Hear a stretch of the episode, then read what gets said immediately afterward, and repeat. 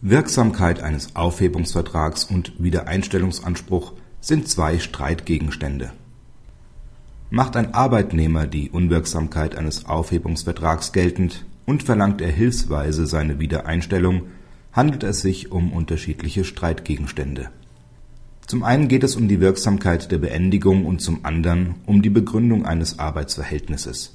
Weist das Arbeitsgericht eine entsprechende Klage mit der Begründung ab die Aufhebungsvereinbarung sei wirksam und ein Wiedereinstellungsanspruch bestehe nicht, weil die Geschäftsgrundlage nicht weggefallen sei (§ 313 BGB), hat sich der Kläger in der Berufungsbegründung sowohl mit der Frage der Wirksamkeit des Aufhebungsvertrags als auch mit der Begründung des Arbeitsgerichts zum Wegfall der Geschäftsgrundlage auseinanderzusetzen, wenn er beide Streitgegenstände zum Gegenstand der Berufung machen will Setzt er sich innerhalb der Berufungsbegründungsfrist nicht mit der Begründung des Arbeitsgerichts zum Wegfall der Geschäftsgrundlage auseinander, ist die Berufung hinsichtlich des Wiedereinstellungsanspruchs unzulässig.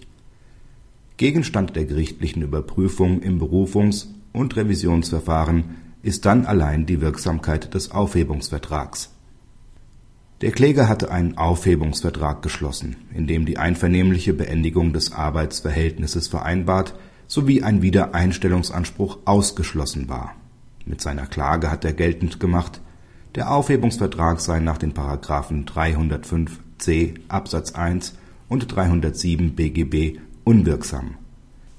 Ihm stehe jedenfalls ein Wiedereinstellungsanspruch zu, weil der Betrieb nach dem vereinbarten Ende des Arbeitsverhältnisses in verkleinerter Form fortgeführt worden sei. Das Arbeitsgericht hat zur Begründung der Klageabweisung ausgeführt die Aufhebungsvereinbarung sei wirksam. Ein Wiedereinstellungsanspruch bestehe nicht, weil die Geschäftsgrundlage für den Aufhebungsvertrag nicht weggefallen sei. Mit seiner Berufung hat der Kläger innerhalb der Berufungsbegründungsfrist lediglich geltend gemacht, der Aufhebungsvertrag halte einer Inhaltskontrolle nicht stand.